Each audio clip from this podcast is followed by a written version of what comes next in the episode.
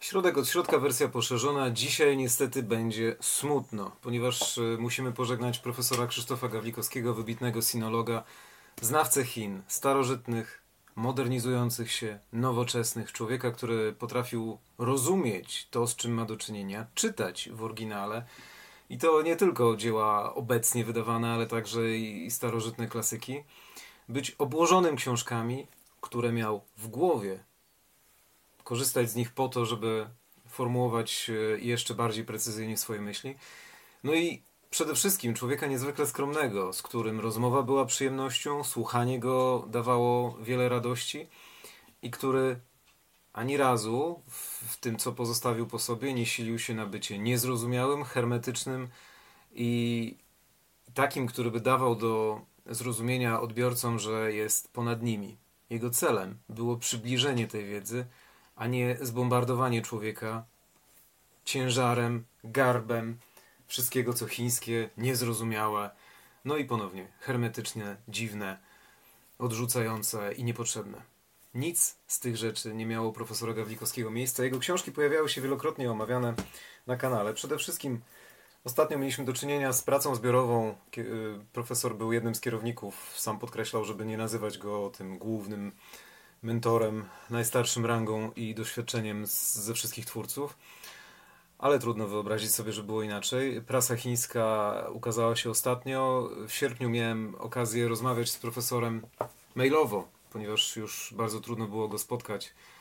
Oficjalny powód y, śmierci profesora to COVID, ale też było powszechnie wiadomo, że chorował od długiego czasu na rozmaite choroby, więc był człowiekiem, który niestety nie umiał oprzeć się e, postępowi wieku i czasu, jak, jak miał możliwość oprzeć się tamowaniu nierozumienia Chin. Szkoda, że to niestety nie dzieje się na obu polach. Natomiast e, rozmawiając z profesorem odnośnie prasy chińskiej, zwrócił mi uwagę, i tutaj wypisałem sobie kilka rzeczy, ponieważ e, powstaje z tego bardzo ciekawy wątek. Zwrócił mi uwagę w następujący sposób. Tutaj mam mail od profesora, który cytuję z, z drugiego urządzenia. Do pisania o niej, o tej nowej książce Prasa Chińska, radzę podchodzić ostrożnie. Pisał tak, powołując się na przykład swojej innej książki z 79 roku, cieniutka pozycja, Chiny wobec Europy, która teoretycznie przeszła bez echa, natomiast jej wydanie dla profesora miało konsekwencje katastrofalne. Ówczesny szef e, cenzury Komitetu Centralnego Zaparł się bowiem, co przypomniał profesor, e, tutaj mam też wypisane fragmenty tego, co mi profesor napisał, że wstęp do Chin wobec Europy pokazuje nierealność polityki Gierka, czyli ówczesnego sekretarza generalnego partii, Edwarda Gierka, modernizacji Polski. I ów e, szef cenzury chciał uruchomić kampanię krytyki Gawlikowskiego, tak sam pisał profesor o sobie w Trybunie Ludu. Mm, na szczęście ówczesne środowisko oparło się tej nagonce, powstaniu tej nagonki, natomiast y, pozostał szlaban na wydawanie dzieł. Stąd też jedno z głównych dzieł, o ile można je w ogóle szeregować pod względem wartości, Nowa Batalia o Konfucjusza, która miała zostać przetłumaczona na angielski i oferowała niezwykle nowatorskie podejście do rozumienia socjalizmu z chińską charakterystyką, ale jeszcze przez pryzmat Konfucjusza, nie zostało wydane po angielsku, ponieważ zablokowano to.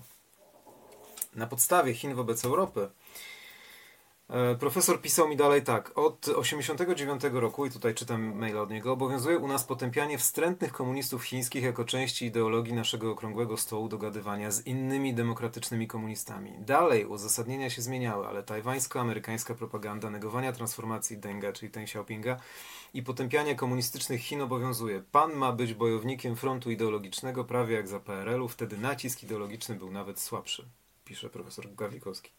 Więc nie trzeba się dziwić. Informacja uczciwie się wypędza jak szatana. Uczciwe się wypędza jak szatana. Stąd nasza książka będzie krytykowana albo przemilczana, zatem do pisania o niej radzę podchodzić ostrożnie. W kontekście tego, co profesor napisał, już to ostrzeżenie jawi się bardziej czytelnie, natomiast yy, oczywiście jako prawdziwy bojownik o prawdę, oczywiście to proszę to traktować jako żart. Ja jestem po to, żeby dawać informacje, a nie żeby robić fronty ideologiczne.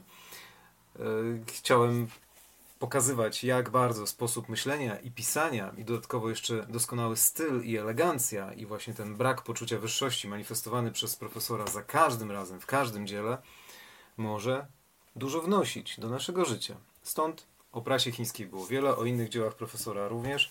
Tutaj taki mały stos przede mną, prace zbiorowe głównie i o wszystkich mówiliśmy u nas, więc to łatwo sprawdzić po hashtagach. Natomiast jeszcze w październiku miałem okazję zapraszać e, każdego, kto byłby chętny do wzięcia udziału w spotkaniu online, które jedna z warszawskich bibliotek publicznych organizowała z profesorem Gawikowskim. To było poświęcone wyzwaniom wobec nowej rzeczywistości, wobec tego, czym są Chiny, tej procesowi transformacji, który cały czas się dzieje. I wówczas było można zobaczyć profesora, który tak jak my wszyscy siedział sobie u siebie we własnym mieszkaniu i opisywał rzeczywistość. Tak, żeby ją wszyscy zrozumieli. Więc to jest wspaniała rzecz. Ponieważ ta książka stworzyła bardzo wiele kłopotów dla profesora i rykoszetem dostała praca, którą profesor bronił w 1977 roku. Jej tytuł, wypisany też z maila od profesora, dostępna rzecz w Instytucie Historii Polskiej Akademii Nauk, Formowanie państwa środka w kręgu mitów i legend. Brzmi dobrze, brzmi przekrojowo, ale nie zostało upublicznione, ponieważ e, no, mało kto uda się do biblioteki tak, żeby przeczytać takie dzieło albo choć w części go doświadczyć na miejscu. Dlatego teraz, ponieważ cały czas zataczamy kręgi i to, że do pewnego czasu pokazywałem Wam sposoby liczenia chińskim zodiakiem, czyli w 60 5 żywiołów i 12 znaków zodiaku. Oczywiście ten system jest jeszcze bardziej złożony, ale w skrócie te 60 powtórzeń, które się odnawiały, czyli na TikToku urodziny kanału i jakieś wyjątkowe odcinki świętowane nie na zasadzie 50, 100, 150, 200, jak można by się przyzwyczaić, ale 60, 120, 180, 240, 300 akurat się pokłada, pokrywa z naszą z, z naszym zwielokrotnianiem pięćdziesiątek. Ponieważ cały czas zataczamy koła i w momencie, kiedy e, przechodzi się 60 urodziny, to Chińczycy uważają, a wraz z nimi cała reszta Azji, która to przyjęła, wschodnia i południowo-wschodnia, że rodzimy się na nowo. Tak i teoretycznie w świecie nauki nic nie ginie. I mamy do czynienia z pozycją chińska filozofia historii autorstwa, jak głosi tył okładki, doktora filozofii, absolwenta filozofii i sinologii Uniwersytetu, Ada, Uniwersytetu Adama Mickiewicza w Poznaniu, Dawida Rogacza, tutaj czytam górę, człowieka o wiele młodszego od profesora Gawlikowskiego, który to jest opisywany ponownie przez kolegów po fachu, starszych doświadczeniem, na tyle okładki jako no co najmniej Bóg objawiony, nie ma w tym żadnej ironii. Czytam tak, jak jest mi ten temat przedstawiany. Ranga rozprawy Dawida Rogacza jest wysoka i w piśmiennictwie polskich autorów wyjątkowa. Pod względem cenności można ją zestawić z uznawaną za klasyczną monografią Janusza Chmielewskiego na temat wczesnej logiki chińskiej, publikowaną w latach 62-69.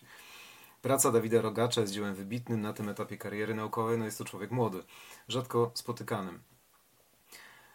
Co więcej, jeszcze yy, ten tył okładki sugeruje mi, że takiego dzieła nie ma w formie przekrojowej nawet na świecie, nie tylko w Polsce. Nie mam nic do doktora filozofii Dawida Rogacza. Czytam jego książkę, jestem w połowie. I w skrócie, pomijając wstęp, w którym jest wszystko to, czego, od czego stronił profesor Krzysztof Gawlikowski, którego śmiało można traktować jako wzór, jeżeli chodzi o pisanie o Chinach. Można się z nim zgadzać, nie zgadzać, ale czytelność i jasność, klarowność wypowiedzi powinna być wzorem.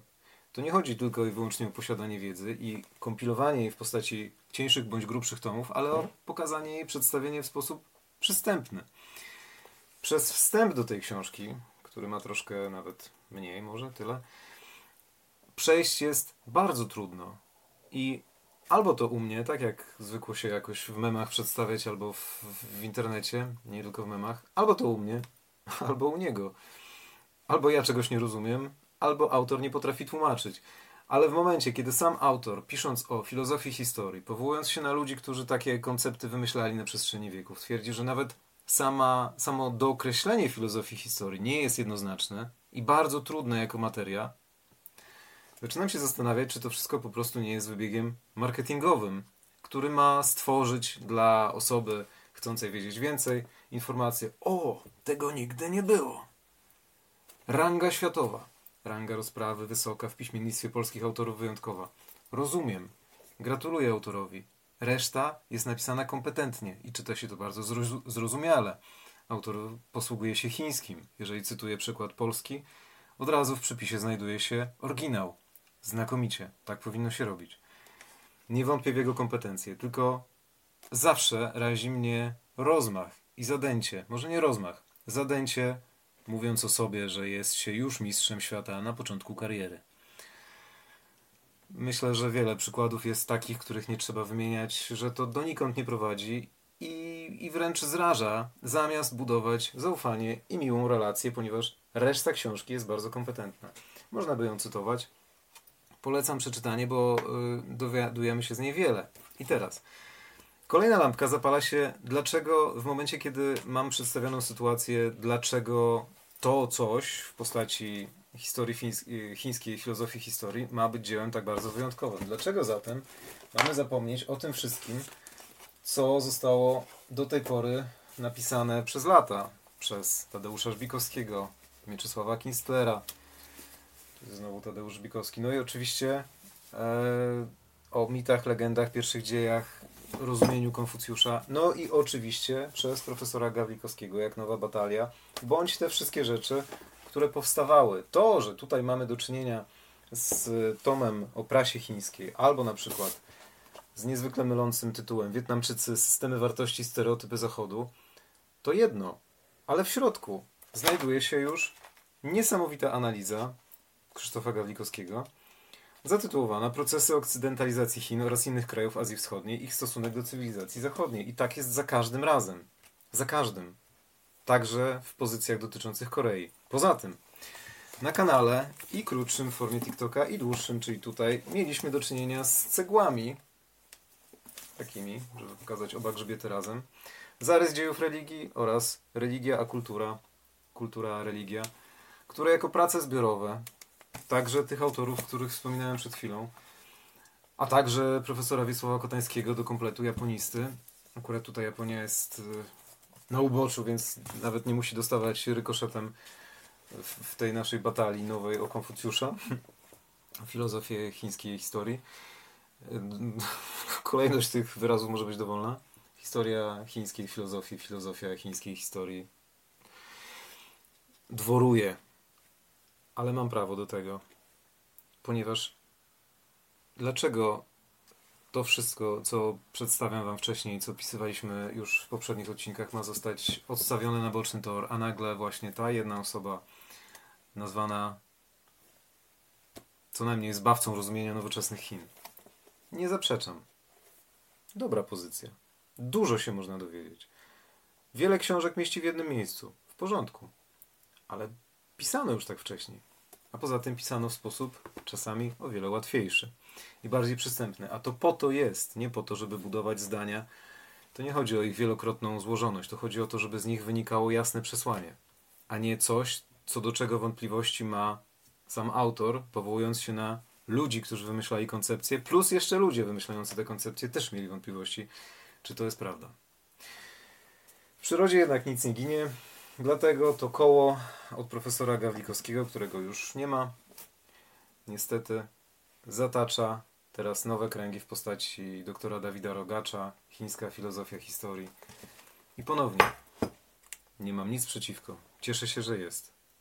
Niech mu będzie jak najlepiej i niech całe życie minie mu na rozumienie, rozumieniu Chin i niech doczeka tego wszystkiego, co mogłoby być dane już nam wszystkim, czyli sposobu na poradzenie sobie ze śmiercią. Bo inaczej, gromadząc to wszystko, zjadając taką czy inną książkę, mniej lub bardziej przystępny sposób napisaną, i tak kiedyś przyjdzie na nasz czas, a to trochę nie fair. Mimo, że Chińczycy na pewno mieliby inne zdanie. Niezbyt optymistycznym akcentem, ale mając w pamięci pana, którego już nie ma, oraz pana, który z nami jest, życzę, żebyście mieli okazję zapoznawać się ze wszystkimi dziełami, które przybliżają rozumienie. Bo o to w tym wszystkim chodzi. Poza tym, bo już e, w końcu zapomniałem, czy to powiedziałem, czy zdążyłem to powiedzieć. W 77 roku, tak, to chyba powiedziałem, ta praca profesora Gawlikowskiego w sformowanie państwa środka w kręgu mitów i legend, która dostępna jest jedynie w czytelni Instytutu Historycznego PAN, jestem w stanie się założyć. Zawierałaby to w 77 roku. Kto byłby wtedy pierwszy? Po co rozpatrywać, kto byłby pierwszy? Dobrze byłoby mieć i to po nowemu, i tamto z perspektywy 77 roku, kiedy być może nie wszystko dałoby radę napisać. Może trzeba by do tego zrobić aneks. Wówczas właśnie taka nowoczesna pozycja byłaby znakomitym uzupełnieniem. Po co ścigać się o palmę pierwszeństwa? Nie pierwszy raz pisze się książkę o Chinach, nie pierwszy raz pisze się książkę o Japonii, nie pierwszy raz dotyka się tematów koreańskich. Bo nie o to chodzi, żeby być pierwszym, tylko żeby rozumieć, czego i Państwu życzę. Dziękuję za uwagę.